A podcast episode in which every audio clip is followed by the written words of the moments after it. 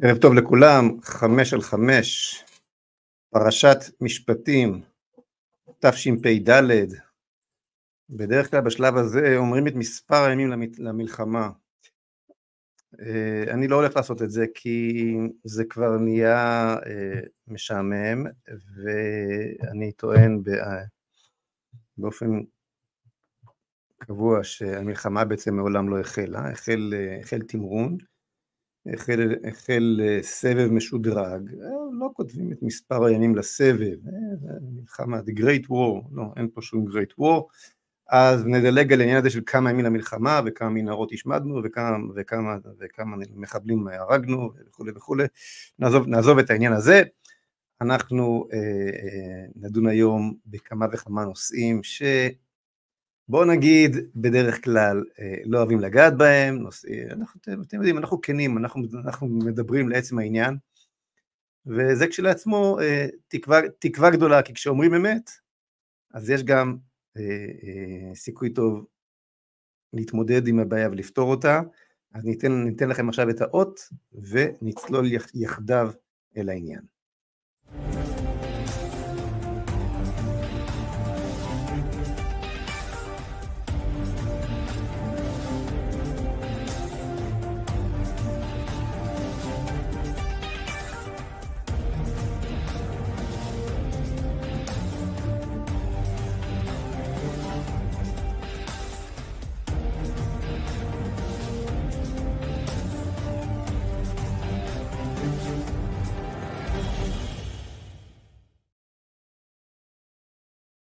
שלום לכולם, אנחנו אה, כדרכנו בקודש מזכירים לכם שאנחנו משדרים אה, בכל הפלטפורמות, למעט אה, טיק טוק, נכון הראל? טיק טוק החרימו אותנו, טיק טוק אין יותר, מי יודע מי, הפלט, מי תהיה הפלטפורמה הבאה שלא, שתחליט שלא מתאים לו שאנחנו נמצאים עליה, לכן יש לנו את ישראל מחר שהוא נמל המוצא שלנו ואנחנו נאחזים בו ומפתחים אותו ומכינים אה, דברים יפים מאוד אגב ב- בישראל מחר לקראת ההמשך. אה, אבל חוץ מזה כמובן בפייסבוק ובטלגרם אה, ואיפה עוד, אה, אינסטגרם, טוויטר, בקיצור יוטיוב כמובן, יוטיוב הכי חזק, נמצאים בכל המקומות הללו. והסיפור הרחב שלנו הוא לא רק ההגות של הצד ההגותי של ישראל מחר, אלא גם הצעד של מימוש ההגות הזו במסגרת תנועת זהות. אני לא יכול, השבוע יצא לי כמה, כמה וכמה פעמים אה, לצאת כאן מגבולות המשרד שלי, כן, ולהיות גם בתל אביב, גם בפתח תקווה, מכל, מכל מיני סיבות, כל מיני, כל, כל מיני פגישות. תשמעו חבר'ה, אני מתקשה, אני מתקשה לעשות שני צעדים ברחוב, הנהגים עוצרים באמצע הכביש אה, אה, וממש מתחננים שאתמודד.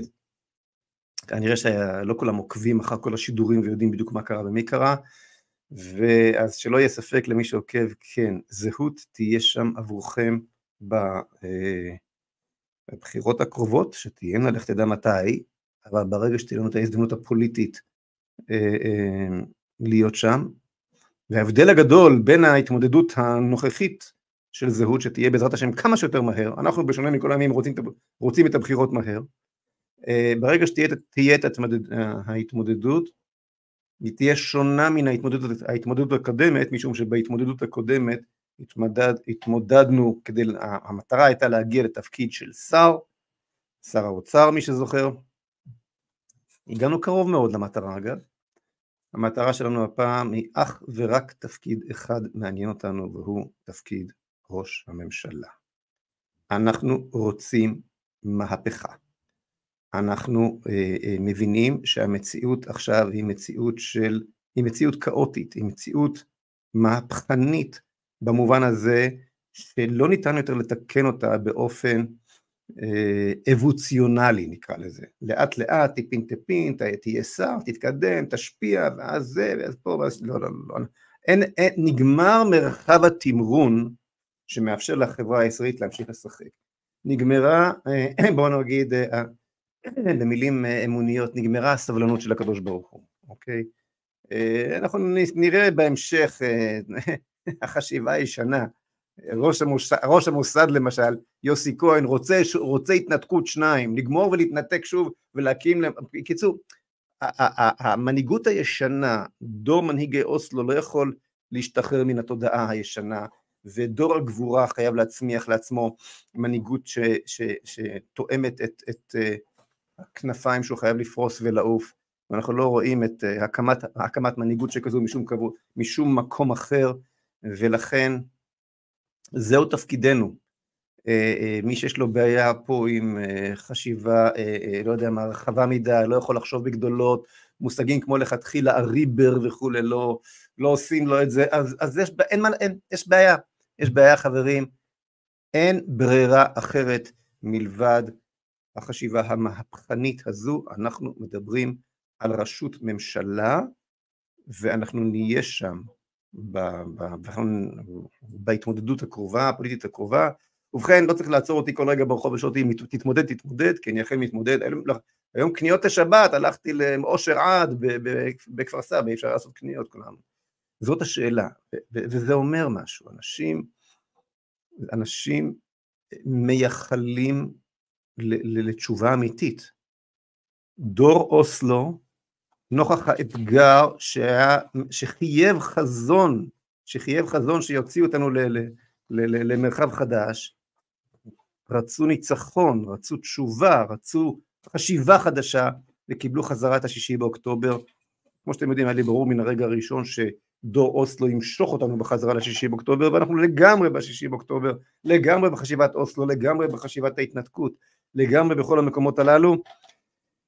יש לנו אנשים נהדרים בממשלת הימין על מלא מלא שלנו, יש אנשים אה, אה, מופלאים ונפלאים אצל אה, בן גביר, יש אנשים טובים מאוד אצל סמוטריץ', גם בליכוד לא חסרים חברי כנסת טובים מאוד וגם בקרב החרדים, יש, יש אנשים טובים, מנהיגות לאומית שמוכנה להציב את עצמה ב, ב, על ההגה, ראש, רשות ממשלה שחולמת, שחולמת בכלל את החלום הזה, מציבה אותו כחזון פשוט כמו שלפיד אומר, אני, אני רוצה להיות ראש הממשלה, כמו, ש, כמו שגנץ, מי זה לפיד וגנץ? חברים, כל הכבוד, מכבד כל יהודי, לא, לא, לא צריך להכביר מילים, אנחנו מבינים את העניין. אם, אם, אם, אם לפיד וגנץ מסוגלים להגיד אני, אני, כן, אני צריך להיות ראש הממשלה, אפילו לא צריכים להגיד את זה, זה ברור לגמרי, אף אחד לא שואל שאלה. יש בכלל ספק שהציבור הזה שממלא בהמוניו, לצערנו הרב, למרבה חרדתנו, את, ה, את, ה, את, את השורות בהר הרצל, שרוצה לנצח, שנכנס מתחת לאלונקה, שיש לו כבר אידיאולוגיה מנוסחת לכל מרחבי חיינו, אלטרנטיבית לזו שהביאה תנועת ההלום והולמת בנו עכשיו. אידיאולוגיה אלטרנטיבית לכל הסחי ומאוס האוסלואידי הזה שהביאנו אל האסון המטורף שבו אנחנו נמצאים עכשיו, אל פי התהום ממש, אל עברי פי פחת. כן, לנו, לתנועת זהות, יש את זה. יש אידיאולוגיה מנוסחת שידעה לצפות נכון את המציאות, כלומר היא מחוברת למציאות, יודעת להציע אלטרנטיבה אמיתית, מהותית, לכל האסון הזה, ומציעה את עצמה בעוז ובענווה ובאמונה גדולה לעם ישראל, אנחנו נהיה שם במרוץ לראשות הממשלה ולא מילימטר אחד פחות מן החזון הזה, כי להיות ליד ראש הממשלה הוכח כלא רלוונטי, לא רלוונטי. מה בדיוק אה, מועיל לי עכשיו אה, אה, שר האוצר, שאני מאוד מעריך אותו, כשארצות הברית חוסמת את חשבונות, חשבונות הבנק של אזרחים ישראלים? מה, מה מועיל? אני בטוח ש, שהם עושים גדולות ונצורות ב, ב, ב, במרחב הטקטי, אבל במרחב הטקטי גם, גם הוא ובן גביר, אבל גם במרחב הטקטי גם החיילים הגיבורים שלנו עושים גדולות ונצורות. במרחב האסטרטגי, למרות הגדולות והנצורות ומסירות הנפש המדהים, המדהימה של הציבור האמוני, אנחנו מפסידים, אנחנו בתבוסה. שימו לב להבדל האדיר הזה בין הרצון הטוב ומסירות הנפש הטקטית של הציבור האמוני סמוטריץ' הסרוג, בן גביר, אה, אה, אה, בן גביר עוצמה יהודית, ליכודניקים, הציבור הזה, כן, לא הסרבנים שהפילו את המדינה, הרוב היהודי שהציל את המדינה, שנושא אותה היום על כתפיו. מה עוזר לנו, מה עוזר לנו שהם שם ליד ההגה, כשההגה, זאת אומרת נתניהו משועבד לחלוטין לפרוגרס על, על, על, כן, לאמריקאים, לפרוגרס, אלה כל אתם מכירים, לא, לא צריך להכביר, להכביר זה, לא, זה, לא, זה לא עוזר, זה לא עוזר. אז צריך להיות ראש הממשלה, בקיצור אין ברירה אחרת.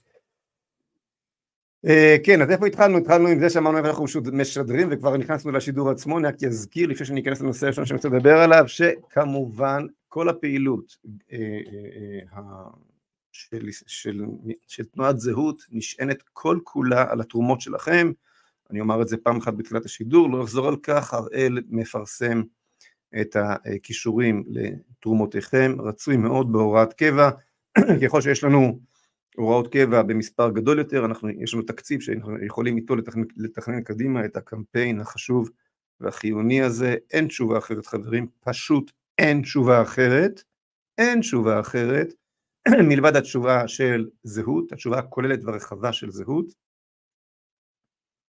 עזרו לנו להביא אותה לקדמת הבמה, את התשובה הזאת. טוב, אז הנושא הראשון שאני רוצה לדבר עליו, והוא נושא שבאמת שום פוליטיקאי לא מציב אותו בצורה הזאת, ואני הולך לומר אותו בצורה הכי פשוטה. החברה הישראלית צריכה להחליט מה חשוב לה יותר, חטופים או ניצחון, שחרור החטופים או ניצחון במלחמה. מה בא קודם? מה חשוב יותר? נתניהו, ולא רק נתניהו, אבל אני אחזור ואזכיר את השם הזה כי הוא ראש הממשלה והוא נושא, נושא באחריות.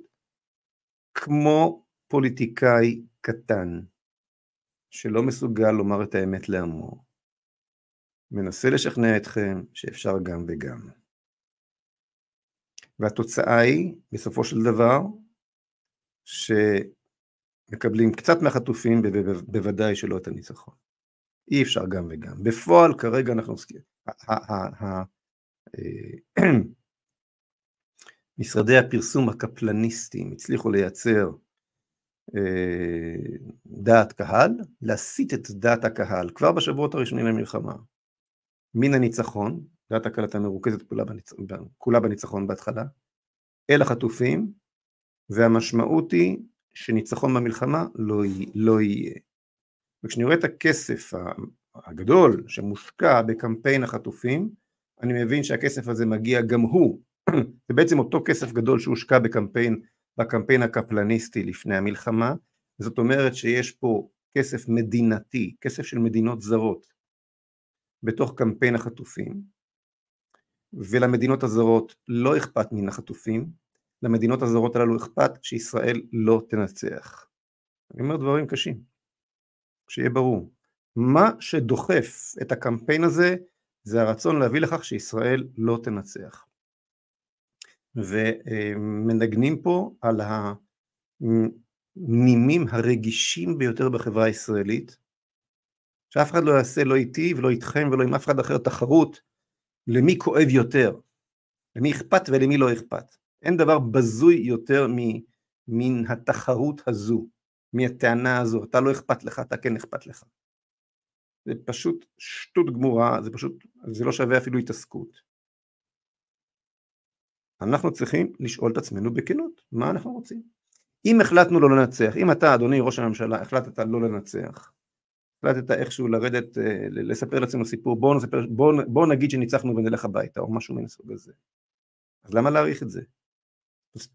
תוציא את החיילים מעזה, תשקיע, תשחרר, תעשה באמת כולם תמורת כולם, תשחרר את כל המחבלים, יכול להיות ששווה לשחרר אותם גם בלי, גם בלי החטופים, כי בעצם כבר, כבר ב... זה, זה מוביל אותי לנושא נוסף. כבר, טוב, בואו נעשה איזשהו שני, שניים שלושה צעדים לאחור. אתם זוכרים את כלא גלבוע? אתם זוכרים את האונס בכלא גלבוע? אונס בפקודה? אתם זוכרים שמדינת ישראל, דרך גוף רשמי, שירות בתי הסוהר, נתנה פקודה לסוהרות להפקיר עצמן עבור אה, אה, אה, סיפוק תאוותם של מחבלים רוצחים בכלא גלבוע, אונס בפקודה, הדבר הכי מזעזע שיכול להיות. אני לא, אין לי שום, אין לי שום אה, אה, קשר עם מה שקורה מה, מאחורי הפרגוד ומה הוביל למה, אני רק לא יכול שלא לעשות את ה...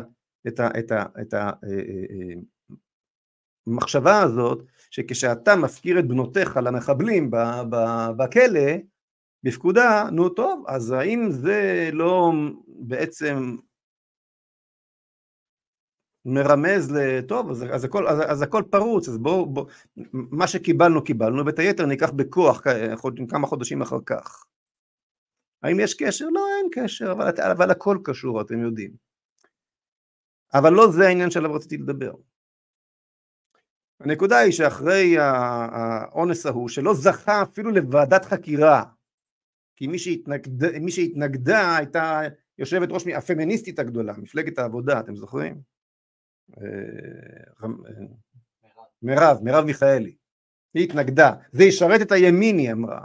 מסיבות פרוגרסיביות, אה, זה לגמרי ברור, הוועדה כזו הייתה מגיעה למסקנה שסוהרות צריכות ל- ל- ל- להשגיח על אסירות ולא על אסירים, כן? אז כל הסיפור הפמיניסטי הוא בעצם cover up, הוא בעצם כיסוי למשהו, למשהו אחר, לאג'נדה אחרת לגמרי, אבל אני רוצה לחזור לעניין.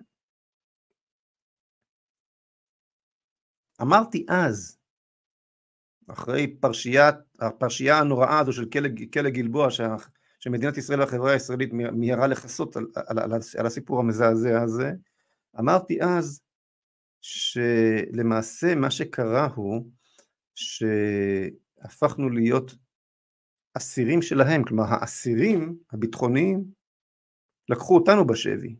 מדינת ישראל היא בעצם שבויה בידי האסירים שהיא לקחה. פיתחתי את זה, אפשר לחזור ולראות מה כתבתי בצורה, בצורה מסודרת. זאת אומרת, יש למדינת ישראל אינטרס כי לכאורה לשחרר עכשיו את כולם בלי שום תמורה. שלח אותם מפה, אתה אסיר שלו. בצורה שבה אתה מתנהל, עדיף, ש...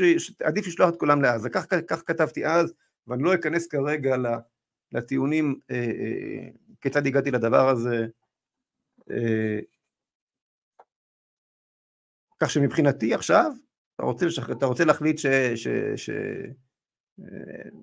עסקה של כולם תמורת כולם, אין שום בעיה, שחרר. שלח אותם הביתה, למה, למה לקחת אותם בכלל בשבי?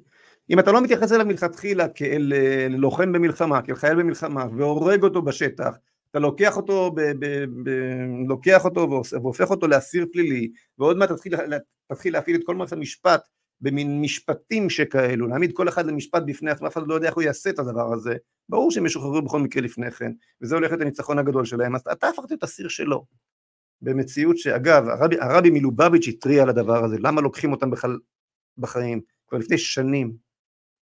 מכל מקום, אם החלטת לא לנצח, שלח אותם, שחרר אותם, קבל, את החטופים כנגדם וזהו זה, בסדר. תחטוף פי, פי כמה וכמה בזכות הדבר הזה, זה ברור, ושלח אותם. אם זה מה שהחלטת. אבל אתה לא יכול להגיד לעמך שהחלטת לא לנצח, אז אתה מנסה, אתה מנסה לספר לעמך סיפור שאתה הולך לעשות גם וגם. גם לעשות איתה, איתה, איתה, איתם עסקאות וגם לנצח, וזה לא עובד ביחד. זה ברור לחלוטין שהעסקה הראשונה, עסקה קוראים לזה, מושג עסקה מבחיל בעיניי, אבל לא יכול לחשוב כרגע על, על מילה אחרת. אה, אה, ברגע, ש, ברגע שהלכת לכיוון הזה ועשית את העצירה הראשונה ואת המשא ומתן הראשון ואת העסקה הראשונה, כל המלחמה שבאה אחר כך כבר הייתה מלחמה שברור היה שאין בכוונה, שאין בכוונתה לנצח, אנחנו מפעילים לחץ, המפקדים אומרים בשטח, אנחנו מפעילים לחץ כדי לשחרר חטופים, כן. אז יאללה, שחרר כולם תמורת כולם, כמו שהציעו מלכתחילה, ותגמור עניין, זהו, הפסדנו. את המלחמה הפסדנו, הם השיגו את מה שהם רצו, הם נתנו לך מכה אדירה שוק על ירך, הם מקבלים עכשיו לדעתי, נכנס יותר, יותר סיוע, מה שמכונה הומניטרי, עזה, עזה יותר יוצאת מהמלחמה הזאת עם יותר אה, קמח וטובין, ואני לא יודע מה עוד יש בשיירות האדירות הללו של כל העולם לעזה כרגע, מאשר לפניה. הדבר האחרון שמעניין אותם זה, זה ההרס. היה מי שכבר עשה את, החשבונות, את החשבונות אחרי כל, כל סבב והרס, הם מקבלים פי שלוש, בממוצע פי שלוש ממה ש... מהמחיר ש, של מה שנהיה, זה, זה, זה, העסקה הכי משתלמת שיכולה הייתה להיות להם. הם ניצחו. מה קורה כרגע? מבחינה מדינית, ישראל תחת לחץ אמריקאי. זה, זה, הרי, זה, הרי, זה הרי מטורף, האמריקאים מפעילים סנקציות על, על ישראלים. בלינקן מגיע לארץ לפקח באופן אישי על כך שהסיוע נכנס לעזה, נדבר על זה עוד מעט. מבחינה מדינית הם הפכו להיות גיבורי העולם הערבי. קיצור, ניצחון אדיר. טוב, בוא נודה, הובסנו, חטפנו, צה"ל לא מוכן למלחמה הזאת, נגמר הסיפור. שחרר את החטופים, נלקק את פצעינו, נחזור בפעם הבאה, נתארגן מחדש, אבל אתה מסיבותיך שלך מנסה לאחוז בשני הצדדים, ואת המחיר מי משלם? משלם דור הניצחון בסבב שלא, שהופך להיות יותר ויותר מתברר, מתבהר שאיננו אלא מלחמת שולל. וזה אה, מעביר אותי לנושא הבא. אני מניח שיהיו לכם שאלות בנושא הזה, אני אה, אשמח לענות בהמשך. זה מעביר אותי לנושא הבא. תראו, אה, הנושא הבא הוא נושא שנמצא עכשיו בחדשות. גיוס חרדים הולך וחוזר וכובש את הכותרות. גיוס חרדים, אה, כן, יש לך כותרות בנושא הזה, הראל? אתה רוצה להראות לנו? אוקיי. גיוס חרדים, איך אנחנו יכולים להרשות לעצמנו שיש אה, חלקים באוכלוסייה שלא מתגייסים לצבא בזמנים שכאלו. קודם כל אני רוצה להקדים ולומר שאין ספק שבמלחמת מצווה, במלחמת מצווה כולם צריכים להתגייס, גם החרדים, גם נשים, אפילו אישה מחופתה, מחופתה נאמר, וכולם צריכים להתגייס, וכולם צריכים לשאת בנטל, ולא יכול להיות שיהיה, שיהיה ציבור שלא יישא בנטל הביטחוני. זה, זה פשיטה, יש כאן בעיה, אין ספק שיש כאן בעיה. אבל, יש כאן אבל גדול מאוד, אוקיי? איך יכול להיות שאותם גורמים שזועקים מראה איפה החרדים? אלו אותם גורמים שהתנגדו בש... ב... ב... ב... ב... כן, זעם בעקבות חוק הגיוס, גם מתוך הקואליציה, זעם, כן. מי מובילים את הזעם הזה? אותם אלו ש, שהודיעו שבשום אופן לא יצטרפו לממשלה אם סמוטריץ' ובן גביר יהיו בתוך קבינט, הביטח, הקבינט הביטחוני המצומצם. זאת אומרת חברים, מה שאתם בעצם רוצים זה שהדתיים ימשיכו למות, למות עבורכם בשדות הקרב, כן? אבל שלא יהיו במקום שבו מתקבלות ההחלטות, נכון? זה מה שאתם בעצם רוצים. ושוב, אני חוזר ואומר, אני חושב שכולם צריכים להילחם. כולם צריכים להילחם. אני חושב שהמצב הזה, שבו יש בערך פי חמש דתיים בשורות בהר הרצל, ובערך פי עשר ביחס לגודלם באוכלוסייה, ביחס, ביחס לחלקם היחסי באוכלוסייה, פי עשר מתנחלים הרוגים במלחמה הזאת, הוא מצב לא נכון. זה לא נכון שכך יהיה, לא? זה לא צודק, נכון? אבל אתם רוצים, אתם אלו ש, שזועקים מרה, אתם רוצים שגם החרדים יהרגו. הדתיים יהרגו, שהמתנחלים יהרגו, שגם החרדים יהרגו, ושאתם תהיו המפקדים שלהם, רק אתם. נו, זה בסדר? זה לא בסדר.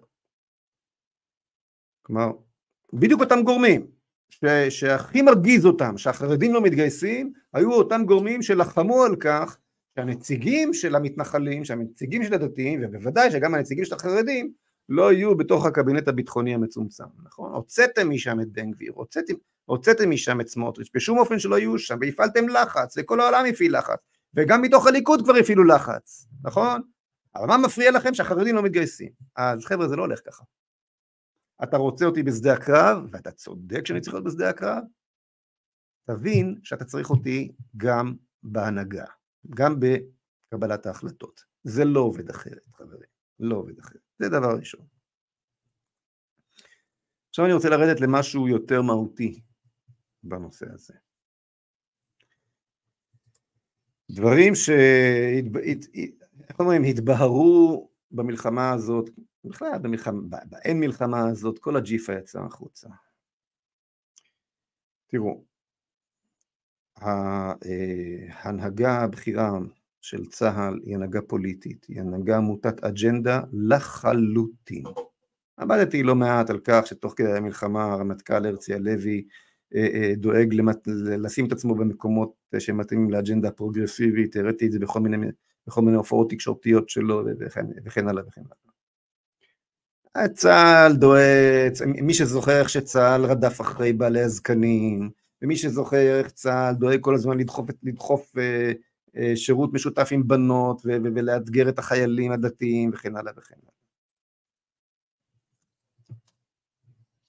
החרדים פוחדים, ובצדק רב, שברגע שהם יהיו בתוך המסגרות שנשלטות על ידי uh, הניידים, הגדיר את זה יפה, שמעתי את אביתר בן צדף, שהוא איש, שהוא אינטלקטואל uh, צבאי רציני מאוד, משתמש בביטוי מבריק של גדי טאוב, שטבע את המושג נייחים וניידים. גדי טאוב, עד שהוא מגיע לחיידק הביביסטי שלו, הוא מדבר לעניין, אין ספק. אז הוא טבע, אתה יש לו, יש לו הברקה, נייחים וניידים. אז אומר אביתר בן צדף, הבעיה היא שהניידים מפקדים על הנייחים. אני, אני קורא לזה הישראלים על היהודים, לא חשוב, נייחים על הנייחים, הניידים על הנייחים זה, זה, זה, זה יותר מדויק, יותר יפה, להשתמש בביטוי הזה. הניידים על הנייחים. אז הפיקוד הוא נייד, אה, ישראל קטנה עליו, הוא בכלל במקומות האלה של, שאין בהם גבולות, ובכלל הבעיה של אה, חליבה, אה, חודשים אחדים לפני המלחמה, זה האויב הכי גדול, זה, זה, זה, זה אקלים, זה כאלה, אלה, אלה הניידים. לניידים בדרך כלל יש גם דרכון זר מוכן ומזומן, ויש להם עסקים בחו"ל, ובמקרה הצורך הם בכלל, כן, את הניידים מצאנו בקפלן, כן, והנייחים הצביעו ל, ל, ל, לרוב היהודי, לממשלה הקיימת. אז, אז הניידים הם מפקדים על הנייחים. ו, והניידים הללו, ברגע שהכי נייחים שיש, זאת אומרת החרדים, שלהם בוודאי שאין דרכון זר, והם, והם כאן, כן? אז כשהניידים הללו יפקדו על הנייחים, הדבר הראשון שאני אעניין אותם לפני ביטחון המדינה הוא להעבירם על דתם. אה, אה, אה, לעשות הכל כדי לגייר אותם לכיוון ההפוך. הם חוששים, ובצדק, כי יש לנו צבא מוטה אג'נדה, חד משמעית. ביטחון המדינה זה לא בסדר העדיפויות העליון שלו, זה לא בסדר העדיפויות העליון שלה, הם לא רוצים לנצח, הניצחון הוא לא העניין, העניין הוא להקפיא מצב, סבב ועוד זה, כל מיני רעיונות, תכף נדבר על זה עם יוסי כהן, ראש המוסד לשעבר ועוד נוספים, אה, אה, אה, חשוב מאוד להציל את החרדים, יש לנו, להביא אותם עכשיו לידיים שלהם, בקיצורו של עניין חברים, זה פה מורכב, הם צריכים לתת את התרומה שלהם, אבל החשש שלהם הוא מוצדק לחלוטין, ובמציאות הזאת צריכים למצוא את הדרך איך אולי, אולי לייצר משמר לאומי, לאמן אותם למסגרות שישמרו על מקום מגוריהם. הרי ראינו איך צה"ל שומר על הגבולות. כל קו, ה... כל, ממילא צה"ל לא מצליח לשמור על הגבולות. אומר האלוף בריק, אנחנו צריכים לייצר משמר לאומי אמיתי שישמור על הבתים שלנו במרכז הארץ בבני, וגם בבני ברק. אז בוא קודם כל נגייס את החרדים הללו למשמר לאומי, שכאלה שלא יוצא מביתו יותר מדי, חוזר הביתה כל ערב. מסגרות נפרדות משל עצמן. יש מספיק מפקדים מהציבור הדתי-לאומי שיוכלו לאמן אותם בלי להעבירם על דתם. נפרד לחלוטין. תן להם, תלמד אותם לאחוז בנשק ולהגן על הבית שלהם בבני ברק במסגרת משמר לאומי. סתם אני זורק כיוון חשיבה. כזה שהם ירגישו, ירגישו בטוחים שהם אכן נושאים בנטל הביטחוני, הם יגנו גם על בני ברק, הם יגנו גם על אה, רמת גן וגם על תל אביב, אבל לא באיזה משהו שהוא תחת אה, פיקוד אה, כזה מובהק וישיר של מיליציה איך נקרא לצה"ל של היום? מיליציה אידיאולוגית שכזו פרוגרסיבית, אה, מעוטת אג'נדה ש, שהצליחה להפקיר את ביטחון ישראל באופן מוחלט, אה, כל קו הבתים ממטולה ועד, אה, ועד ראש הנקרא הרוס כבר, כל אזרחי הצפון, הגליל, הגליל העליון גולים בארצם, כל, כל, כל אזרחי הנגב המערבי, עוטף עזה גולים בארצם, מייצרים לי סבבים בשביל לייצר, לשמור על האידיאולוגיה האוסלואידית, אה, זה, זה לא, זה, אין לנו צבא, צריך לבנות, לבנות, ממילא צריך לפרק את כל מה שיש ולבנות מחדש, אחרת, אחרת לחלוטין, ממש כך, לבנות את כל צה"ל מחדש, יש תשתית מדהימה של מפקדים גיבורים, יש חיילים שאין כמותם, זה לא הולך להיות כל כך מסובך, זה להתחיל ממקום הרבה הרבה יותר גבוה ממה שבן גוריון בנה את צה"ל ב-47, אבל את כל הריקבון הזה צריך להשתחרר ממנו ולבנות צבא ממש מחדש.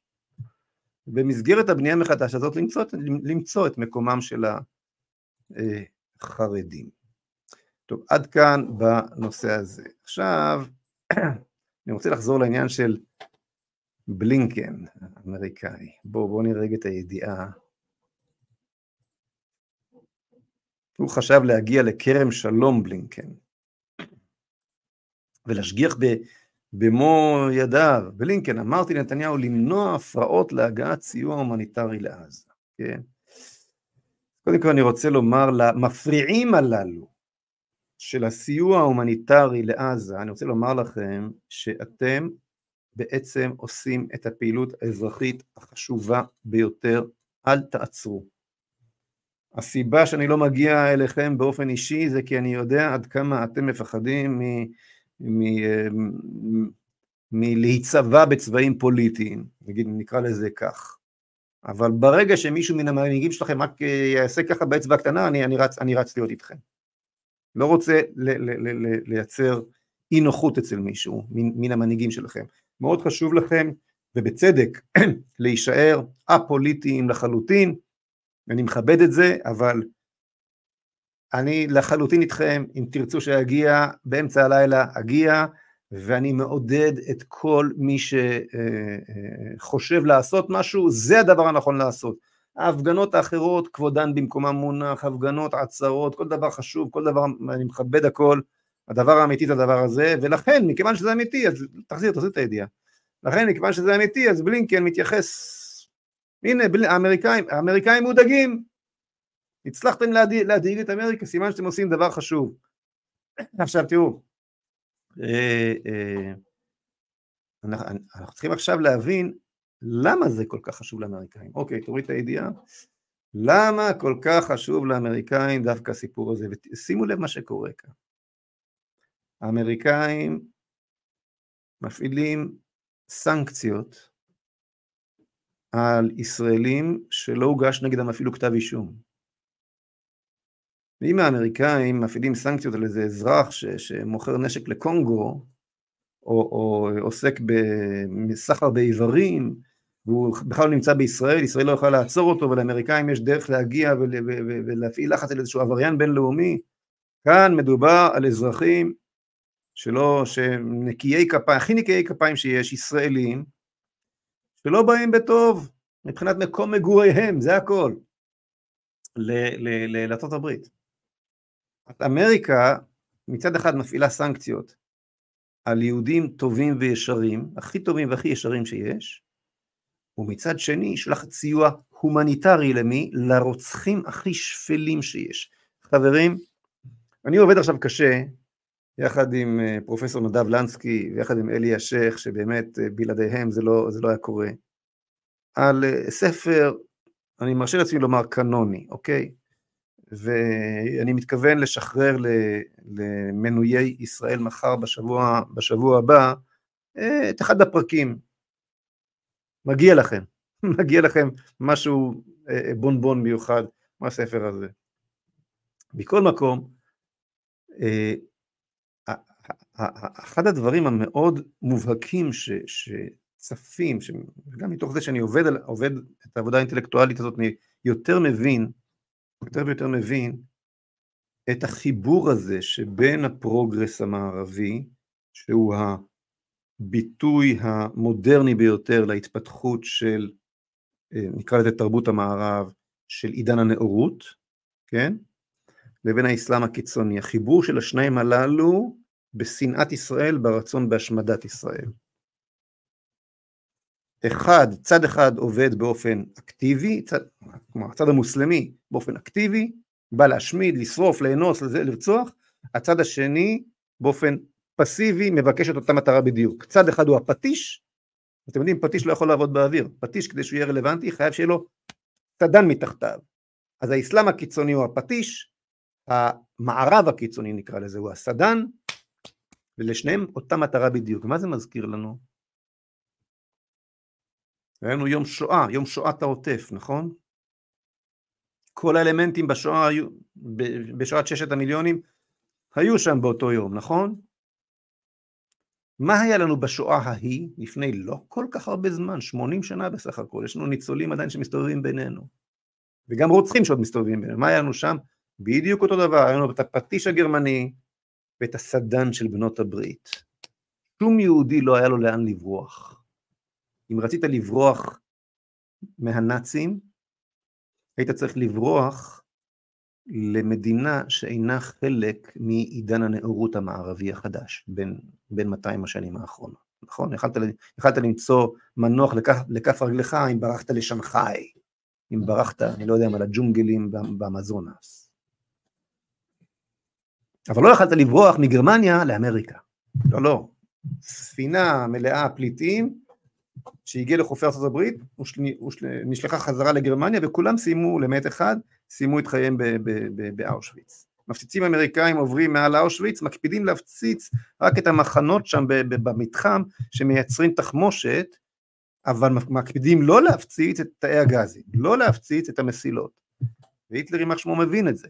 זה מפסיק, זה מפסיק אפילו לנסות להסתיר את, מס, את, ה, את, ה, את, ה, את מנגנוני ההשמדה שלו, כי הוא מבין שה, שהאמריקאים איתו, שהעולם המערבי איתו, שהמערב איתו. אז מה שקורה עכשיו זה בדיוק אותו דבר. ובלינקן, כשהגיע לכאן וסיפר לנו בצורה כל כך מרגשת כיצד הוא בן לניצולי שואה וכולי וכולי, היה לי ברור לחלוטין כשהוא דיבר אגב, שהיהודי הזה שמדבר בשמה של המפלגה הפרוגרסיבית יתהפך עלינו יותר מכל אחד אחר, כי ככה זה, ככה זה. ואכן זה מה שקורה כרגע. הם, הכי חשוב לו כרגע לבלינקן הזה, מהרסייך ומחריבייך ממך יצאו, הכי חשוב לו כרגע זה שהרוע המזוקק הזה ימשיך לחיות. אני כל חיי אחשוב על הילד העזתי האחרון שנהרג, הוא אומר לנו בלינקן. על הילד, מהילד היהודי הוא כבר, חשך, כבר שכח. הילד העזתי זה מה שמעניין אותו, ואנחנו צריכים להמשיך ולספק לאסלאמו-נאציזם הזה את, ה, את האספקה השוטפת שמחזיקה אותו חי, שמקפידה על כך שתו, ש, ש, ש, שלא ננצח חס וחלילה, ומנגד אותם יהודים טובים שיושבים ביהודה ושומרון, הם, עליהם, עליהם, הוא, עליהם הוא יטיל סנקציות. עליהם הוא יטיל סנקציות. זה, זאת המציאות שמולה אנחנו נמצאים, החזית האמיתית שלנו כרגע, החזית האמיתית שלנו כרגע לא נמצאת בכלל מול החמאס, מול החיזבאללה. החזית האמיתית שלנו כרגע נמצאת מול האמריקאים, למרבה זוועה, וזה לא מפתיע. אם אתם זוכרים, אני אמרתי כבר ב... סליחה, כבר בשבועות הראשונים, נדמה לי בשבוע הראשון אפילו, 8 לאוקטובר, שאני מפחד מהנושאת המטוסים ג'רלד פורד יותר, ג'רלד פורד יותר מהחמאס. זוכרים את זה? אולי אה, הראל ימצא לנו את הקטע הזה. אבל, אבל אה, הסתכלו עליי כאילו נפלתי מהשמיים, כולם אמרו וואו, הנה תודה רבה לך, תודה רבה לך אמריקה, את באה בא להציל אותנו. איפה הג'רלד פורד עכשיו?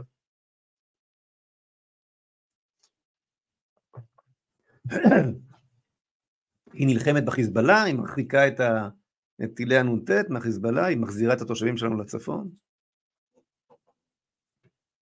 הם לא הגיעו לכאן בשבילנו, הם הגיעו לכאן בשל סדר העדיפויות שלהם, הגיעו למסקנה שהאינטרס שלהם כבר לא, ש... זה כבר לא משרת את האינטרס שלהם, הנה, אז ג'רלד פורד פרחה מכאן. אבל נתניהו וה... וראשי מערכת הביטחון לאורך עשרות שנים פתחו את שערי המדינה לאמריקאים ברמה מטורפת שהם פה מנהלים את העניינים באופן ישיר.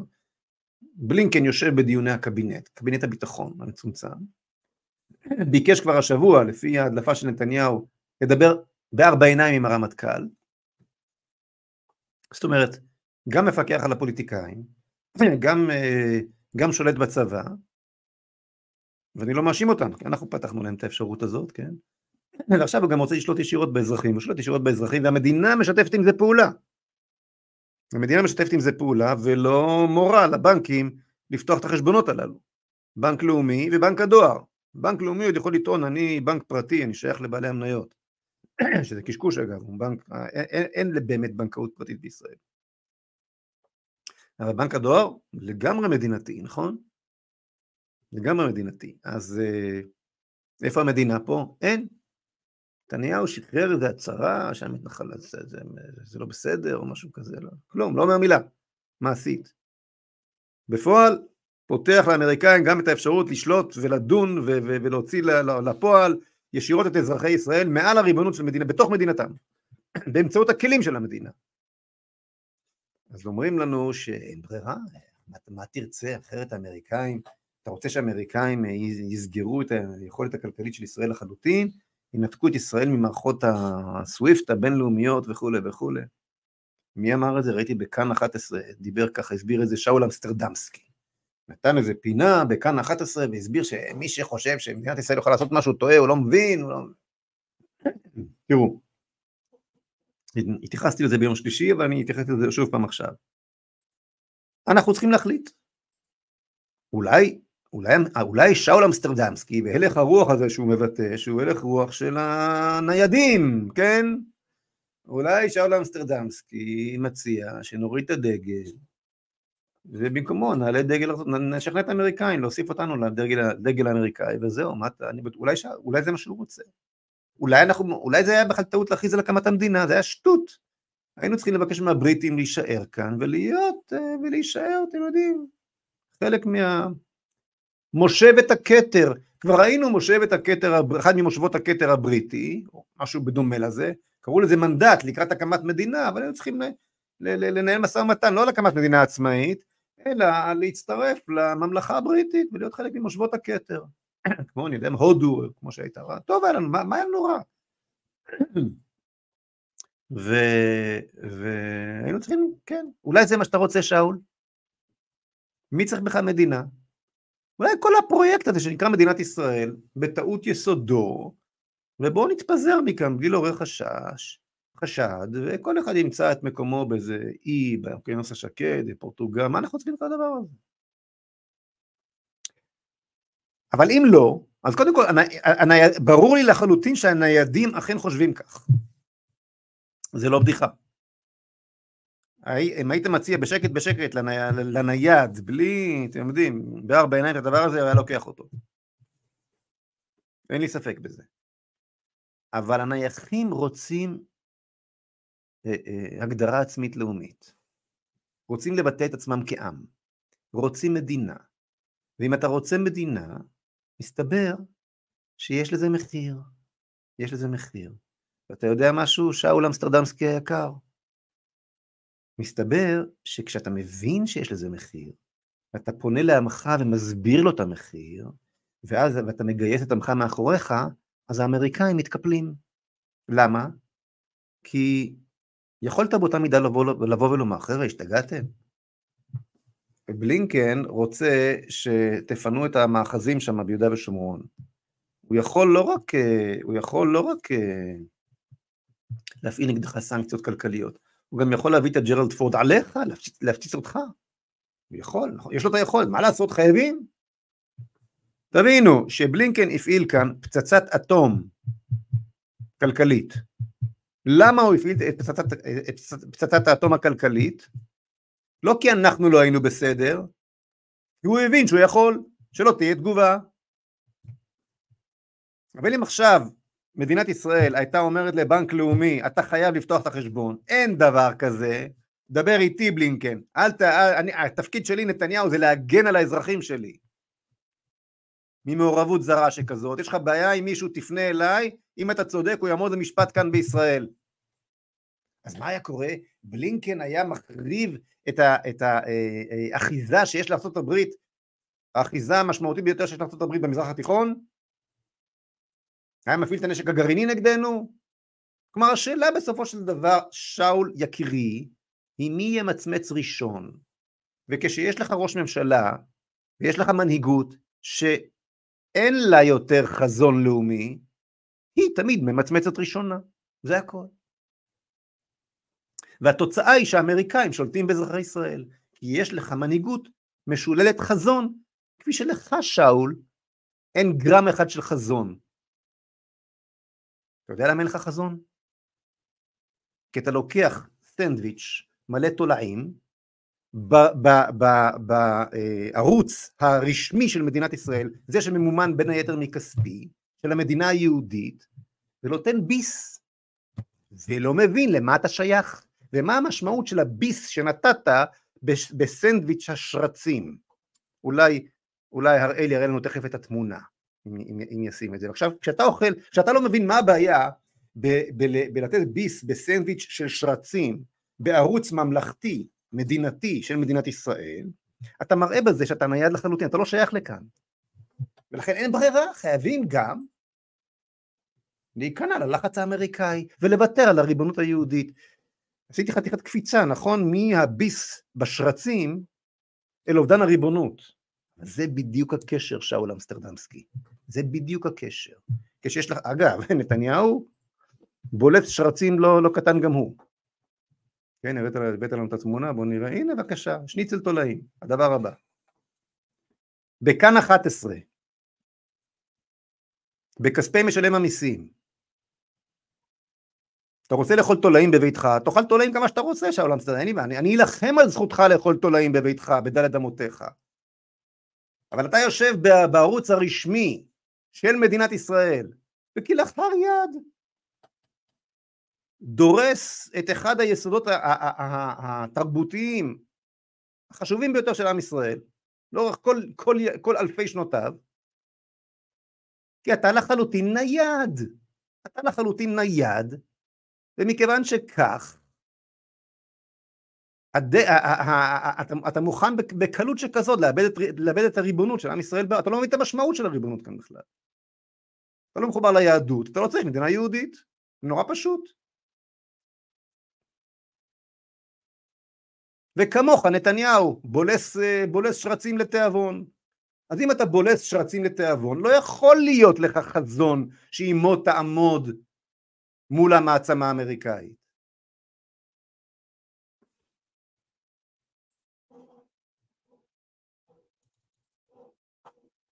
טוב.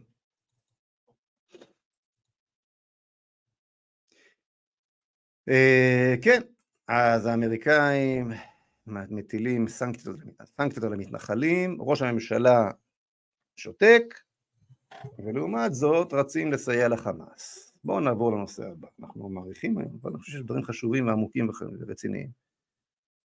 שמעתם על ראש המוסד יוסי כהן? יוסי כהן החתיך, יוסי כהן הדוגמן.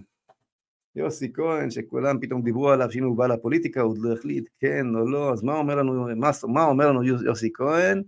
בואו נראה, יוסי כהן, הנה ידיעה מהיום, הנה האיש הכללים, הגיבור שלנו, לא האמן, זה קרה מישהו שמתאר, הוא אומר, טוב, אני, אני מדלג למטה, אני רוצה להציע מדיניות משל עצמי, אומר יוסי כהן. אני בעד ההתנתקות באופן עקרוני, ובעד התנתקות מוחלטת באופן מעשי, לצאת מרצועת עזה בתום הקרבות ולנהוג כפי שאנו נוהגים מול מדינות אויב. מאחר והרשות הפלסטינית אינה חלק מהשלטון בעזה, אני בעד להתנתק לחלוטין מהרצועה. טוב, זה יוסי כהן שלנו. זה, זה ראש המוסד, חברים. זה, זה ראש המוסד, או מי שהיה ראש המוסד. תבינו, זה הראש של מה... דיברתי איתכם קודם, שכל הנהגה הביטחונית שלנו היא ניידת. היא ניידת, אין לנו מה לחפש שם. עזבו שההתנתקות... מאיפה, מאיפה נתחיל ל, ל, ל, ל, להסביר בך את עומק, את עומק הטמטום, את עומק הטמטום בסדר, אתה לא מרגיש שום שייכות לארץ ישראל, ארץ ישראל לא, לא אין לך פה שום חתיכת צדק, אתה כל, כל כולך בתוך איזה חשבונות מתוחכמים של ראש מוסד, ראית מה עשתה ההתנתקות, לא? שטח שעזבת היה המקפצה לטבח של השביעי באוקטובר, אז, אז, אז, אז מה אומר לנו ראש המוסד? פעם המוסד היה דוגמה ל... ל והיא החוכמה. אני רוצה עוד מזה. בואו נעשה את זה שוב. עיניים להם ולא ייראו. אנחנו, אנחנו נמצאים במציאות ש, שאותה אותה ניידות, אותה ישראליות חדשה שבאה במקום היהדות, אותו, אותו, אותו אובדן ניתוק מוחלט מכל, מכל קשר למשמעות קיומנו הלאומי כאן, אטם את מוחם של, המוב, של מובילי המדיניות ברמה, ברמה כזאת, ש, שפשוט להסתכל עליהם ולפרוץ בצחוק, כבר אי אפשר, כבר, זה פשוט כבר לא, לא נותר כלום, חוץ מלצחוק. הרי, הרי מבחינה מבצעית אסור לך לצאת משם יותר, מה, מה יותר פשוט מזה? נתת את זה, נתת את זה ל, ל, ל, לערבים, קיבלת את השביעי באוקטובר, לא נחזור על, על תיאור הדברים, חבל. מה, מה, מה המסקנה של ראש המוסד? בוא נעשה את זה שוב. עכשיו, למה למה למה הוא מפיץ את ה... אם, אם, אם הוא מטורלל לחלוטין מבחינה מבצעית, אני לא מאמין שהוא מטורלל לחלוטין מבחינה פוליטית, הוא לא עושה את זה סתם. הוא לא אומר את זה סתם, חברים. הוא אומר את הדברים הללו כי הוא מניח, כי יש לו תוכנית. זה משרת לו איזשהו, איזושהי אג'נדה, איזשהו אינטרס. והוא חושב שבצורה הזו הוא, הוא, מישהו יקבל אותו אולי למפלגה שלו, בצורה הזו הוא יקבל איזו תמיכה מאיזשהם כוחות אה, אמריקאים, אולי הוא יזכה בסבב הרצאות עכשיו מפואר מחוף אל חוף בארצות הברית, אולי הוא הולך להוציא איזשהו ספר, אולי, אולי הוא יקבל, אה, אני לא יודע מה, איזה מלגה שמנה של כמה מיליונים לאיזשהו מחקר, לא יודע. לא יודע מה האינטרס, אבל ברור לי שיש אינטרס מאחורי, כי זה כל כך מטומטם, שאולי, ו, ו, וכל כך נפיץ, ובכל זאת ראש המוסד לא עד כדי כך מטומטם כדי להבין שזה גם פוגע בו האמירה הזו, גם אם הוא חושב כך. אז למה הוא אומר את זה? כי יש לו פה איזשהו אינטרס, אוקיי? אה, אז כן, זה, זה, זה הנושא הזה של יוסי כהן, ויוסי כהן הוא רק דוגמה חברים, יוסי כהן הוא רק דוגמה לכל, אה, לכל מערכת הביטחון איך שהיא, לידי מי נפלנו. אני רוצה לעבור מ, ל, ל, ל, ל, ל, שני, שני דברים אחרונים שרוצה לעסוק בהם, לפני שנעבור לשאלות שלכם, וזה אה, שתי ידיעות משני כיוונים קיצוניים לחלוטין שאני רוצה להתייחס אליהם. הידיעה הראשונה, אה, הנה בואו תראו, רבי מאשלג, חסידיו יורדים מהארץ. בואו נראה את זה, הרי יעלה לנו את זה. אה, כן, זה מאתר חדרי חדרי, חד, חרדים, האדמו"ר הורה לחסידיו, יש לעזוב את הארץ. הרבי מאשלג ששוחח עם חסידיו הביע את חששו מהחודש הקרוב בעת שמדינת ישראל מוקפת אויבים וביקש מחסידיו לעת עתה לעבור מארץ הקודש. הרבי והחסידים צפויים לעבור להונגריה לתקופה עד יעבור זעם. ומה אתם אומרים? הרבי מאשלג צודק? הרי זה די ברור שכאשר זאת ההנהגה הביטחונית שלנו, כן? הנהגה הביטחונית שדאגה, שרוקנה את המחסנים מפגזים. מדינת ישראל בנקודה הכי עוצמתית ועשירה שלה, אחרי, אחרי מלחמה בארגון טרור, פתאום נגמרים, נגמרים לנו פגזים וצריכים את האמריקאים. אז, אז כן, אומר הרבי מהאשלג, אנחנו במצב קשה מאוד. ואם לא הפקנו שום לקח, ואם ההנהגה מדברת על עוד התנתקות, אז uh, חלילה וחס, היו לא תהיה, חלילה וחס, היו לא תהיה, רק שהקדוש ברוך הוא, כן, אבל ההיגיון אומר שאנחנו נחטוף את זה שוב, עד שאתה לא מסיק, אם אתה לא מסיק מסקנות, אם אתה ממשיך באותה, אם, אם אתה מכניס שוב את היד לתוך האש, אז אתה, אתה תקבל קביעה, אם שוב פעם אתה דוחף את האצבע לחשמל, תקבל זרם, נכון, לא למדנו שום דבר, אז, אז לכאורה הוא צודק, מסוכן פה. אז אני רוצה לומר לכם משהו.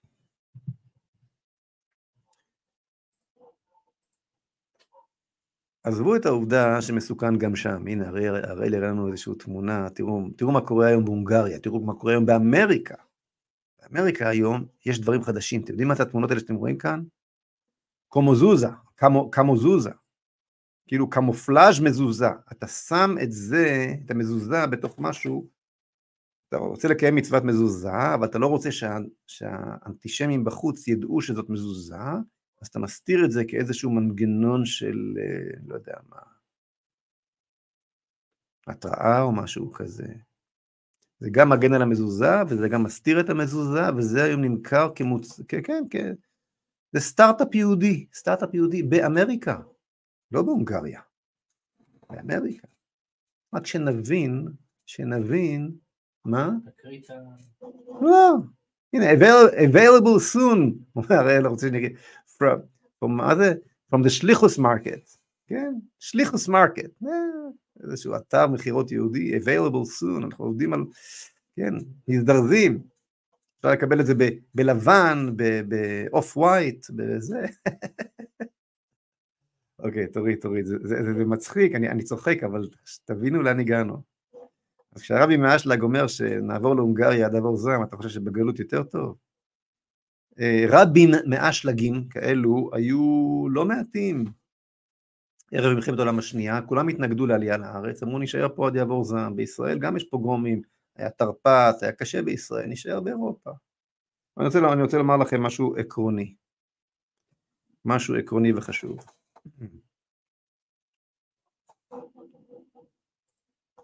להגיד ליהודים לעזוב את ארץ ישראל זה כמו לה, עד יעבור זעם, כי בארץ ישראל יש אה, ערבים, יש מחבלים. זה כמו לה, לה, להגיד לדגים לעזוב את הים עד יעבור זעם, כי בים יש כרישים.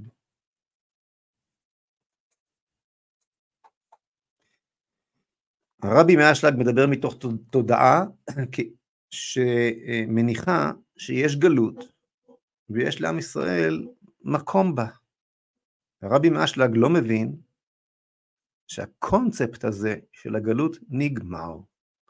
אין יותר גלות. חזרנו לארצנו, פה נחיה עד 120, פה נילחם, ופה, בשיבה טובה, נחזיר את נשמתנו לבורא. רק פה. אין לנו מקום אחר. כל הבעיות, כל הצרות שמביאים עלינו הניידים הללו היום, שחלק גדול מהצרות הללו זה צרות שאנחנו גרמנו להם כי לא יצרנו, לא יצרנו, לא יצרנו להם אלטרנטיבה עד היום. כן? הניידים הללו עשו בשבילנו הרבה מאוד בעבר. כל הצרות שאנחנו חוטפים היום הן גם באשמתנו, אבל זה לא משנה כרגע מי אשם, מי לא אשם. כל הצרות הללו אלו צרות שנועדו לבנות אותנו. הקדוש ברוך הוא, כבוד הרבי מאשלג, שולח את הצרות הללו כדי לבנות אותנו. בלי הצרות הללו, הניידים הללו היו נשארים בשלטון לנצח. בלי הצרות הללו, סיפורים כמו שראינו ב- ביום כיפור בכיכרות בתל אביב, היו, היו הופכים להיות סטנדרט. הצרות הללו, תראה איזה, תראה איזה דור צמח לנו כאן, התגלה לנו פה בזכות הצרות הללו. תראה את תקיעות השופר לפני היציאה לקרב בעזה, הרבי מאשלג. תראה את הרוח הגדולה. מתחת למעטה הפחד הגדול וה, וה, והזוועה הגדולה צומח כאן דור גאולי, דור ניצחון, דור מדהים. כל הצרות הללו נועדו לקדוש ברוך הוא מוציא מאיתנו את הטוב שבנו, לקראת עתיד מזהיר שצפוי לנו כאן בארץ הזאת, לקראת גאולה. אתה רוצה עכשיו לנסוע להונגריה? אתה תחזור לארץ כמו שתושבי הצפון חוזרים לבתיהם, כמו שתושבי הדרום חושבים, ככה אתה תחזור לארץ. אתה תתחנן לחזור לארץ, ספק אם תוכל. אתה בכלל לא מבין, כבוד הרבי מאשלג, איפה אתה חי, את המציאות שבתוכה אתה חי, את, את, את המרחב ש, שמתחולל כאן. אתה עוד בתודע, בתודעה של האדמו"רים שאסרו על חסידיהם לעלות לארץ ישראל ערב השואה. אתה עוד שם. תחשוב שוב, לפני שאתה לוקח את חסידיך להונגריה, והונגריה הרבה יותר אנטישמית מאמריקה, וראינו מה קורה באמריקה, כן? זה מה שיש לי לומר לאדמו"ר מהאשלג, ואני רוצה להראות לכם ציוץ נוסף, מהכיוון ההפוך. הנה, מי יש לנו כאן עכשיו? או, הסולידית. זוכרים את הסולידית? כן, יש איזה אושיית רשת. מה שמה? מישהו יודע, אתה יודע מה, איך קוראים לה? מי זו, מי זו הסולידית הזו? לא, אף פעם לא, לא שוחחתי איתה, אבל היא בהחלט כותבת דברים מעניינים מדי פעם.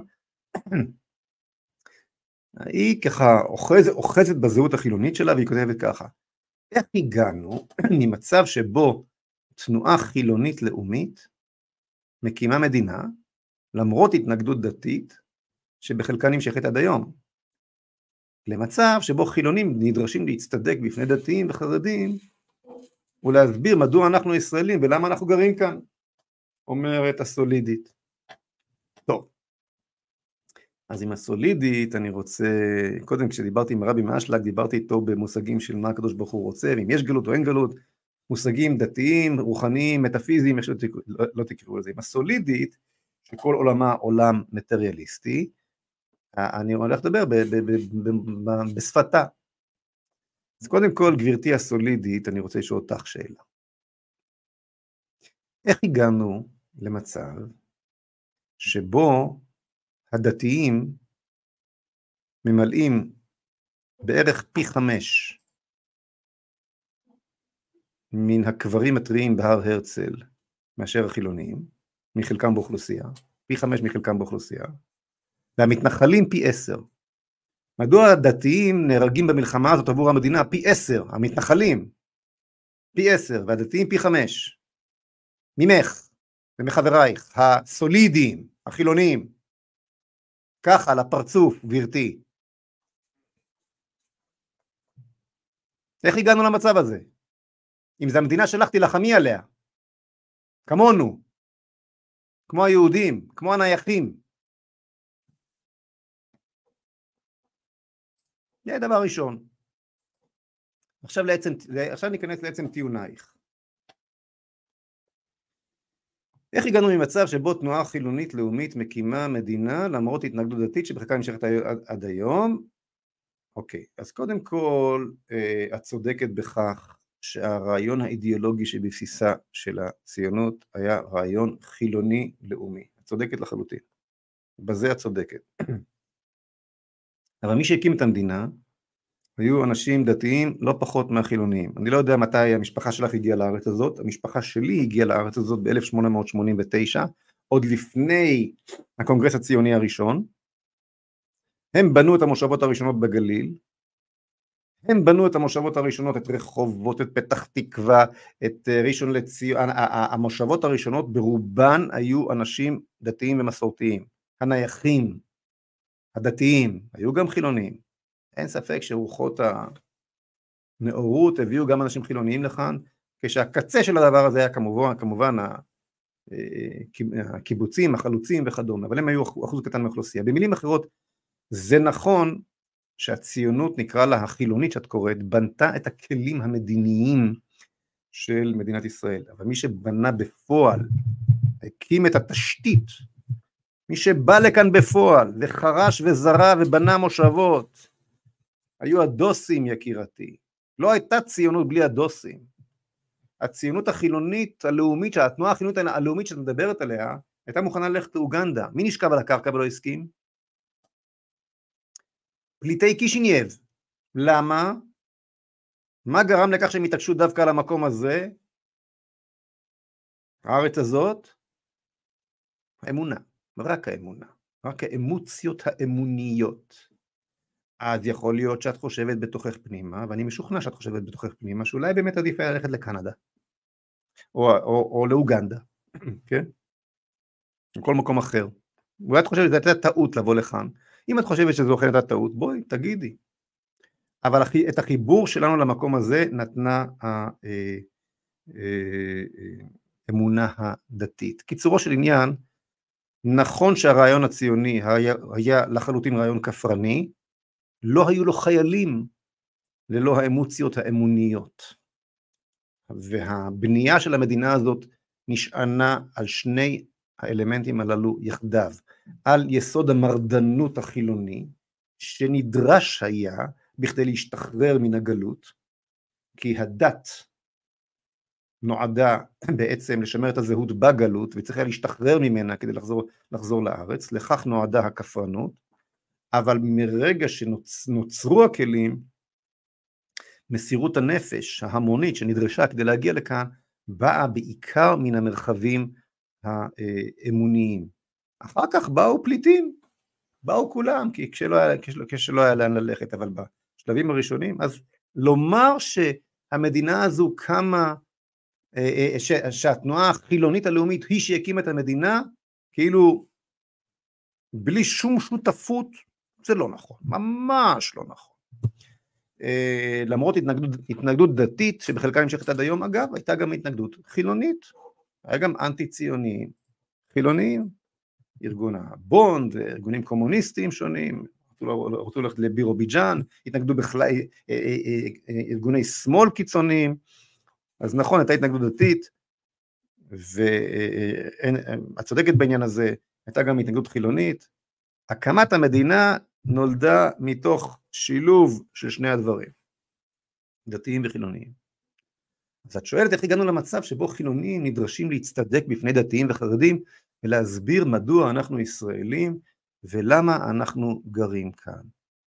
אה, אז קודם כל, סול, סולידית יקרה, אף אחד לא מבקש ממך להצטדק, אף אחד לא שואל אותך שום שאלה. עצם העובדה שאת מעלה את הציוץ הזה מלמדת אולי שבתוכך פנימה אין לך תשובה. אין לך תשובה. ומכיוון שהעלית את הנושא, אני אשמח לשמוע איך את מסבירה באמת את, אה, את מגורייך כאן. מה את עושה כאן? בווילה בג'ונגל הזה. מדוע האדמו"ר שדיבר מאשלג, שדיברתי עליו קודם לכן, טועה? למה את לא מצטרפת לחסידה ומהגרת מכאן, מסוכן כאן, סוליד, סולידית יקרה בווילה הזאת? אין לך צבא שיגן עלייך. ויש לך כאן 70 זאבים שמחפשים לטרוף אותך ולעשות לך את השביעי באוקטובר, מה את עושה כאן? את, את, את, את, שמה את הציוץ הזה כאן כאילו יש לך תשובה, אני אשמח לשמוע מה התשובה. האם יש לך תשובה מלבד אני כאן כי נולדתי כאן ואני כאן כי מדברת עברית וזה מה שבא לי ולא רוצה ל... אני כאן ככה? האם התשובה שלך לשאלה למה היא פשוט ככה? איך, איך אמרנו לילדים שלנו? ככה זה לא תשובה. הככה זה כבר לא מספיק. להיות יהודי בארץ ישראל, ככה זה טוב אם אתה אוסטרי. אוסטריה, מדינה שדומה לנו מבחינת אה, גודל האוכלוסייה, שבעה מיליון פחות או יותר, אפילו, אפילו קטנה יותר, אבל כנראה שאני גר באוסטריה ככה, כי נולדתי, כי אני אוסטרי, כי... וכן הלאה. אבל בארץ ישראל זה לא עובד, אנחנו מאותגרים באופן קיומי כל הזמן, ואנחנו צריכים תשובה טובה לשאלה למה. אז אשמח לשמוע ממך, גברתי הסולידית, למה אנחנו גרים כאן? למה הרבי מהאשלג טועה? למה לא להגר מכאן? אני רציני, אשמח לשמוע. מה, מה הדבר הזה ששווה להסתכן כך בשבילו? עוד uh, חודש וחצי הולך להיות לאיראנים פצצה, ככה אומר הנשיא טראמפ. וכל, אה, ואנחנו כבר מוקפים בחגורת פרוקסי כזאת, ש, שגם בלי פצצה אה, הולכת להרוס אותנו לגמרי, ברגע שהגיהינום, שערי, שערי הגיהינום ייפתחו. של החיזבאללה, של החות'ים, של החמאס, של, של הסורים, של, מסוריה, מכל, מכל כיוון. מה, את לא נורמלית. אני לא מבקש ממך להצטדק, בפני הדתיים והחרדים ולהסביר למה אנחנו הישראלים, למה אנחנו ישראלים ולמה אנחנו גרים כאן, אני מבקש ממך להסביר לעצמך. תני תשובה לעצמך. אני לא מבין למה את גרה כאן, באמת שלא. אני שמח שאת גרה כאן, שלא, שלא הובן לא נכון, אני מאוד מאוד שמח שאת גרה כאן, ואני אה, מקווה שלא תגיד, אני לא, לא, לא רוצה שתלכי מכאן, אבל uh, הבעיה שלך היא לא עם הדתיים והחרדים, הבעיה שלך עם עצמך, אוקיי? טוב, אה, בואו נעבור קצת לשאלותיכם. יורה, יורה לויטן, או לויטין, חבר'ה תרשמו את השמות שלכם בעברית, אני לא יודע איך לקרוא אותם. אה, משה היקר, צדקת לגבי זה בעבר, מי לדעתך יהיה נשיא ארצות הברית אתה מתכוון כשהימרתי על טראמפ כשאף אחד לא האמין. אה, מי יהיה הנשיא הבא? אין לי מושג, אני עדיין לא, אין לי, תראה, אני לא, לא, אני לא איזשהו נביא ש, שחולם חלומות בלילה, הייתה לי הרגשה, כרגע אין לי הרגשה, כרגע זה נראה שטראמפ חוזר, בוא נאמר כך, אבל uh, ההתנגדות, הפרוגרס, הפרוגרס הוא כל כך חזק, שהוא מן הסתם ידע איך, איך לחסום אותו. אה, הבחירות בארצות הברית הן עוד פחות אה, נקיות מאשר בארץ. לא שבארץ זה,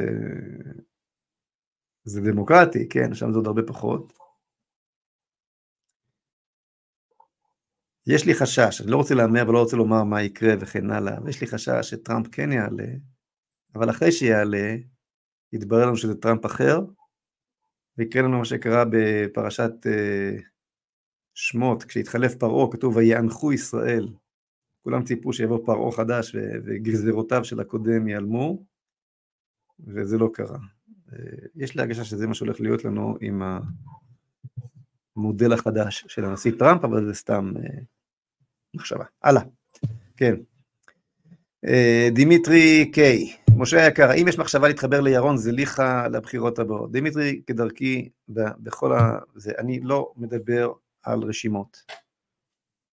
האפשרות להתחבר לאנשים חשובים ויקרים, בין השאר כמו ירון זליכה, יש לי הרבה הערכה לאיש הזה, וגם ליוסיאן ששואלים אותי עליו כל הזמן, וגם לרבים נוספים, אה, אה, צלויה בין השאר בעבודה, בעבודה קשה שלך דימיטרי, בעבודה קשה של כולכם, קודם כל, קודם כל בתרומותיכם לאפשר לנו את המשך הפעילות, וב' להביא אותנו הכי, הכי גבוה בסקרים שאפשר, ואז ממצב שאנשים לא מוותרים, לא, לא, לא חוששים לוותר על ה... לאבד את הקריירות שלהם, כי מי שילך עם זהות, לא יהיה לו לאן לחזור. אם אתה בשמאל, ועזבת אה, אה, משרה אקדמית כדי לרוץ, אני לא יודע, במרץ, אז כשסיימת, המשרד מחכה לך. אם אתה אה, הולך עם זהות, שום דבר לא מחכה לך כשאתה לחזור, כן? לא המשרה שלך באיזה ערוץ תקשורת בכיר ולא שום דבר אחר. אז uh, כדי שיהיה אפשר לייצר רשימה שיש בה בין השאר אנשים מוכרים, וזה לא הדבר הכי חשוב לי, אגב, הכי חשוב לי זה שברשימה יהיו אנשים מדור הגבורה, אנשים צעירים מדור הגבורה, ויש, אני כבר אומר לכם שיש, כולל מוכרים, כולל ידוענים. אבל, אבל, אה, אה, אה, ורק אחר כך אנשים באמת שמביאים גם רוחב יריעה ציבורי. אנחנו נעמוד על רגלינו, ואז אנשים כאלו ירצו להצטרף אלינו. כן, הלאה. דוד, משה יקר, אני מקווה שתהיה ראש ממשלה, אבל איך תוכל לשנות כשבפועל בג"ץ שולט פה כבר שנים? תראה, דוד, זה, זה משהו שדומה למה שאמרתי לגבי האמריקאים. מי ימצמץ ראשון? מי ימצמץ ראשון? הסיבה שבג"ץ שולט פה כבר שנים, זה כי ברור לאורך השנים שמי שיושב על הכיסא, קרי נתניהו, לא יסכן את צווארו בשום דבר. במציאות שכזו, לפי אה, תורת המשחקים, אתה יכול רק לנצח, אתה יכול לכבוש עוד ועוד נתחים של ריבונות בתוככי החברה הפנימה, כן? כמו שאמריקאים כובשים ריבונות לאומית, אז אה, ריבונות שלטונית, אתה יכול לכבוש עוד ועוד נתחים, כשמי שאמור להגן על ריבונותו של העם לא עושה זאת, ואני כן מתכוון לעשות זאת. בסדר? הלאה. אה, אלון ליכט, פייגלין, אתה מבין שהחמאס ידרוש הפסקת עליית יהודים להר הבית, אני מודה לך שהזכרת את זה, רציתי לדבר על זה, לא, לא הספקתי, בתמורה לשחרור אסירים, אין דעתך זה תנאי שאפשר לקבל אותו, חוששני שמיליקובסקי יקבל את זה, ודאי שהוא יקבל את זה, אלון, ודאי שהוא יקבל את זה. החמאס דור, כבר דרש את זה, לא רק ידרוש, כבר, זה, זה, זה כבר פורסם, זה על השולחן. כן, הם ידרשו, המלחמה שלהם היא מלחמת אל-אקצא. ואם זאת המטרה, אנחנו, ואם אנחנו מנצחים, אז בואו נביא לידי ביטוי את היסוד הזה בניצחון שלנו. כן, הולך להיות פה מעניין. אה, נתניהו כבר סגר את ההר בעבר, והוא ירצה לעשות... למה הוא סגר אותו בעבר, אגב? בגלל שירו ביהודה... נו, יהודה, יהודה גליק. אחרי הירי ביהודה גליק, כשאני קראתי לחברי הכנסת, לחברי הכנסת משמאל ומימין, כולם הייתי בקשר טוב. לעלות עכשיו מיד להר ולהראות שביריות רובה לא יגרשו אותנו מלב ליבה של עיר הבירה שלנו. שתי, הנה זה התנאים המלאים של חמאס, מראה לנו באתר כיפה זה מפורסם. בתגובה להצעת ישראל, חמאס ניסח עסקה משלו לשחרור חטופים, בה הוא דורש בנוסף לשחרור אלפי מחבלים מניעת כניסה של יהודים להר הבית. חידוש תשתית הרצועה ועוד דברים, כן. בואו בוא נבין, ההישג הזה שחמאס מנסה להשיג, ונתניהו ישקול את זה ברצינות, זה, זה, זה כניעה סופית ומוחלטת לחמאס. הר הבית שלכם. קיבלתם, כבשתם את הר הבית. פתחתם במלחמה עבור הר הבית וקיבלתם, וקיבלתם. ואותו נתניהו, שאתה קורא לו מיליקובסקי, כן, אתה אומר שהוא יקבל, שהוא יקבל את זה, בוודאי, מה, כמו שאמרתי קודם על uh, אמסטרדמסקי, כשאתה לא מחובר לזהות היהודית שלך, כאילו מה פה יש להפסיד? כבר היינו שם, נחזור לשם ונגמור עניין. ותכף נשמע את uh, אריה גולן בבוקר מסביר, מה, החטופים יישארו בגלל, כדי, ש, כדי שפייגלין וכמה משוגעים יוכלו לעלות להר הבית? ונראה כספים גדולים ש, שמוזרמים לכל מיני קמפיינים מול תנועות המקדש. הנה, אתם רואים, יש לי את בית המקדש פה מאחורה. כן, הנה, אתם רואים מאחוריי. וגם מלפניי, דרך אגב. הנה, בואו תראו. תקבלו הזדמנות לראות גם את הראל, הנה הראל שלנו, והנה בית המקדש. גם מלפניי וגם מאחוריי. הנה, עכשיו איבדתי את הזווית, אבל נסדר את זה קצת, זהו. כן, מה, מה יש? למה לא? אתה יודע מה זה, מה זה מזכיר לי, אלון? בוא אני אספר לך סיפור. שקרה כבר לפני הרבה הרבה שנים, בימי זוהר צנו עליזים. הוזמן, אחרי שחסמתי את כל הכבישים במדינה, אז כ- כ- כאדם צעיר, שאני הייתי החדשות, אז הוזמנתי הרבה לאולפנים, והגעתי ל- לראיון, התחיל איזה קונספט ששני, ששני מראיינים, גבר ואישה, זה לא, זה לא תמיד היה ככה, כן. אז מי הייתה האישה שם? אה, האם היא להקת שוקולד מנטה מסטיק, איך קראו לזמרת הזאת? אה, תכף אני זוכר בשמה. שני, שני אנשים מאוד מאוד מפורסמים, אתם יודעים, אני, לוקח לי זמן לשלוף שמות. אה, ארזי, ארזי, ירדנה ארזי. ירדנה ארזי הייתה מראיינת, והמראיין היה, בואו נזכר, הוא, הוא היום שדרן בכיר ברשת ב', בכאן 11, משדר מכל העולם, אה, תכף אני אזכר בשמו גם כן. בקיצור, הוא שואל אותי, הוא שואל אותי, תגיד לי, אין משהו שאתה מוכן, מה אתה מוכן לתת בשביל שלום? להזכירכם, הפגנתי נגד הסכמי אוסלו, הקמתי את זו ארצנו, חסמנו כבישים, אז שואל אותי המראיין, דוב גילהר, תודה. תודה רב. דוב גילהר, זה היה דוב גילהר וירדנה ארזי. שואל אותי דוב גילהר, קרוב ל-30 שנה זה היה. שואל אותי דוב גילהר, אה, זה הכל, אתה לא רוצה שלום, יש משהו שאתה כן מוכן לתת בשביל שלום? אם לא, כן, איזשהו, הוא התכוון, איזושהי התנחלות נידחה, משהו, איתך תהיה רק מלחמה פה. אז אמרתי לו, כן. שואל אותי, מה? ערפאת, היה יימח שמו, היה אז בחיים, כן, הוא דרש כל מיני דרישות. אמרתי לו, אני מוכן לתת לערפאת את ירדנה ארזי. היא הפכה, היא נהייתה לבנה כמו סיד. נו, מה אתם אומרים? בשביל שלום. לא להרוג אותה, לא, לא, לא, לא לרצוח או לתבוע, צריך להקריב משהו בשביל שלום. בוא ניתן את ירדנה ארזי לערפאת. נניח שערפאת היה דורש את ירדנה ארזי בשביל שלום. הקרבה קטנטנה שלך גברת, וזהו, ויש לנו שלום לנצח נצחים. הולכים על זה או לא הולכים על זה? הוא מסתכל, הם כמובן היו בהלם, אני לא זוכר איך הרעיון הזה נגמר. הראל, תנסה למצוא את הרעיון, שווה להביט בו פעם נוספת. אז, אז לא היה לנו ארכיונים כאלה וזה... לא, אתה לא תמצא את זה עכשיו. חתיכת צריכים לנבור פה בארכיון. אבל אתם מבינים למה אני מביא את הסיפור הזה שאני נזכר בו עכשיו. ברור שלא נמסור את ירדנה, מי מעלה על? הרי זה הרי הזוי. לתת את ירדנה ארזי בשביל שלום, ולתת את בית המקדש בשביל שלום, לתת את הר הבית בשביל שלום, זה לא הזוי? חלום כל הדורות, כמיהות כל הדורות, כל הסיבה של כל יסוד הזהות שלנו, כל מה שהחזיר אותנו לארץ הזאת, שימר את זהותנו כיהודים, הביא אותנו, הכל הכל הכל הכל הכל, הכל הקדוש לעם הזה. זה לא הזוי? אבל אנחנו נראה את כל הניידים הללו מתאחדים יחדיו, ומתחילים לנהל קמפיין, וכל בוקר יספר לנו אריה גולן, כן, בשביל שפייגלין יוכל לעלות להר הבית, אז החטופים צריכים וכן הלאה וכן הלאה. זה מה שהולך להיות כאן, אתה צודק, אלון ליכט, כשאין לך בכלל שום חיבור למה ש...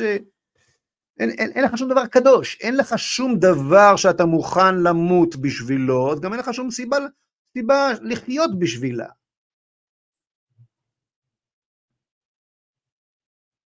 טוב, נעזוב את ירדנה ארזי המסכנה, סיפור חביב מן העבר, בואו נראה עוד שאלות. מה השעה כבר? נו טוב. מה הכוונה, מה הכוונה הניידים? שואל אה, אלגנדו. אני, אני הסברתי, תראו, אה, אני אמר חשוב, מי שככה נכנס אה, באמצע השידור. גדי טאוב, שאני מאוד מאוד מעריך, כש, כשצריך אני גם יודע להיכנס בו, אבל בסך הכל הוא, הוא הוגה דעות רציניים, הוא כתב ספר, נייחים וניידים, הברקה, את מה שאני בדרך כלל מכנה הישראלים, אני אומר, מדבר בדרך כלל על הישראלים ועל היהודים. אז הוא, הוא מצא לזה ביטוי שונה, אה, הניידים והנייחים, כלומר פלח האוכלוסייה ש, שכבר לא מרגיש מחובר לכאן, שום דבר לא מחבר אותו כאן לכאן, הוא חש ש, שהוא הקים פה איזשהו פרובינציה כזאת, outpost כזה, כן, מוצב קדמי של העולם המערבי הנאור, יש לו, הוא מחזיק בדרכון זר, הוא מנסה לייצר לעצמו מאחזים בחו"ל, אה, שיהיה לאן לב, הוא נייד, ולעומת זאת הרוב היהודי שאני כל הזמן מדבר עליו הוא, הני, הוא הנייח, הוא אין לו דרכון זר, הוא לא חושב אולי אני אהגר מכאן, הוא פה, לנצח, כן, זה הנייחים והניידים, וכל הכבוד באמת לגדי שיצר את הביטוי הזה. כן, שאלה הבאה.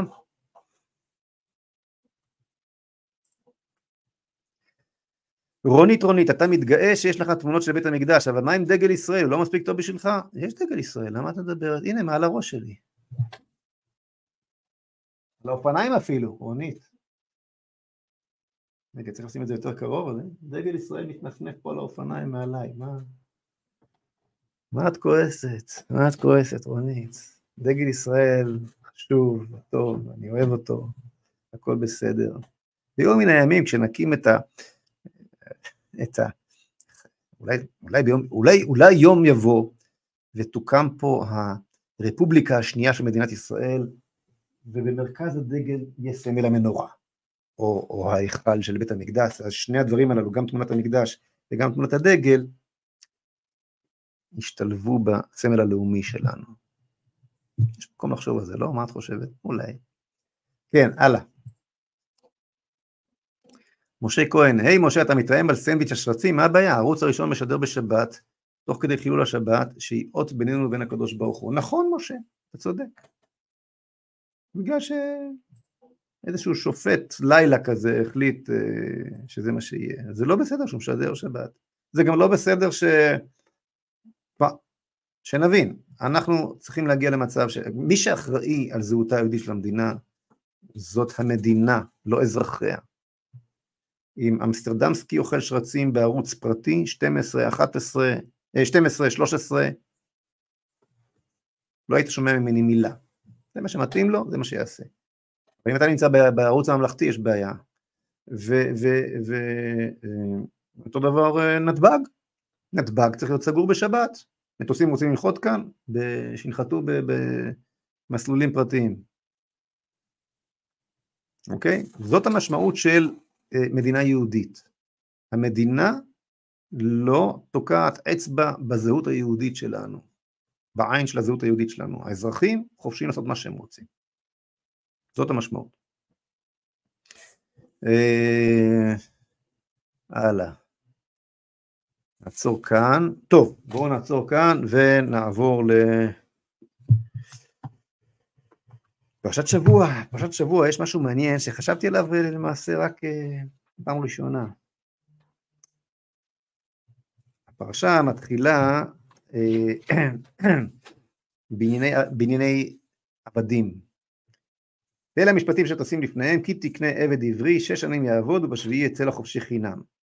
אם בגפו יבוא בגפו יצא, אם בעל אישה ויצא אשתו עמו, אם אדוני ויתן לו אישה ולא לו בנים, או בנות האישה וילדיה תהיה לבניה, והוא יצא בגפו. זאת אומרת, אתה רואה שמצד אחד כל העיסוק הזה בענייני עבדים, לכאורה איום ונורא, היום אין עבדים, מה התורה מדברת לנו על עבדים, אבל כשאתה קורא את הדברים לעומק אתה רואה שכל מה שהתורה מנסה לעשות כאן היא לשים מגבלות על העבדות ולהוציא את העבד לחופשי.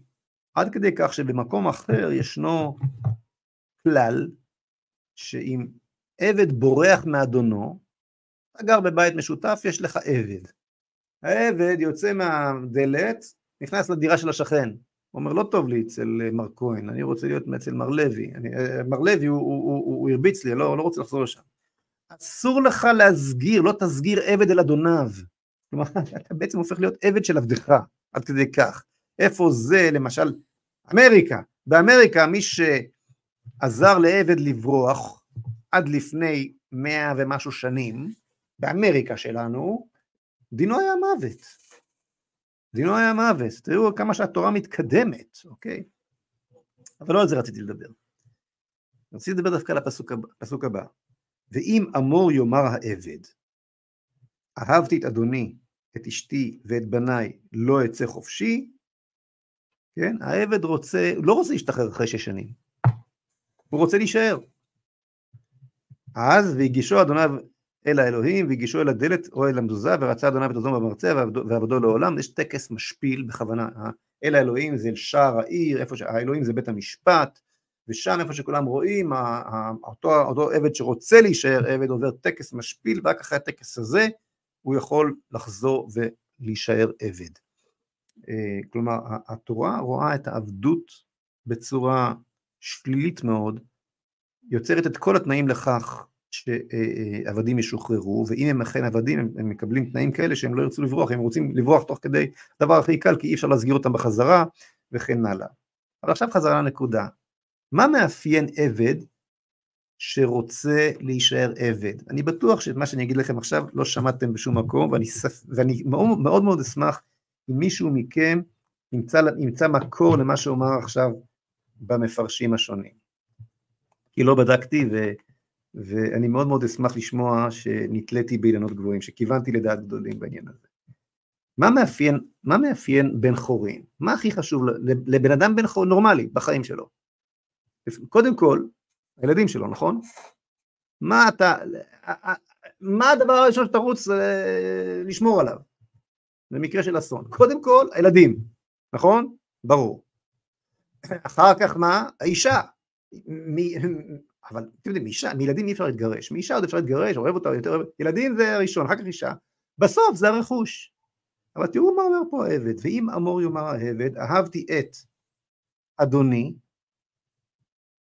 מה שאני הכי אוהב זה את אדוני. אחריו את אשתי, והשלישי את בניי, לא יצא לחופשי. כלומר, אצלו הסדר הוא הפוך. קודם כל, אני הכי אוהב את הדבר הזה שאני משועבד אליו. ואחר כך את המשפחה. בואו נגיד ככה, יש היום לא מעט אנשים, וזאת העבדות, זה, זה מה שמסמל עבד. יש הרבה מאוד אנשים שחושבים שהחירות שלהם נמצאת בקריירה, שהחירות שלהם נמצאת מחוץ למשפחה. אלה העבדים הכי גדולים, אלה שמוותרים על המשפחה, אלה שעושים הכל, שכל מה שמעניין אותם זה שיעבוד לכסף, לקריירה, לטיסות לחו"ל ולכל מיני כיפים שכאלו, אוקיי? מה אני הכי אוהב? את אדוני. הוא הופך להיות משועבד לפנטזיות הללו. ורק אז את, את אשתי ואת בניי. בסדר הזה, הדבר האחרון שאכפת לאנשים הללו זה, זה הילדים שלהם. כן?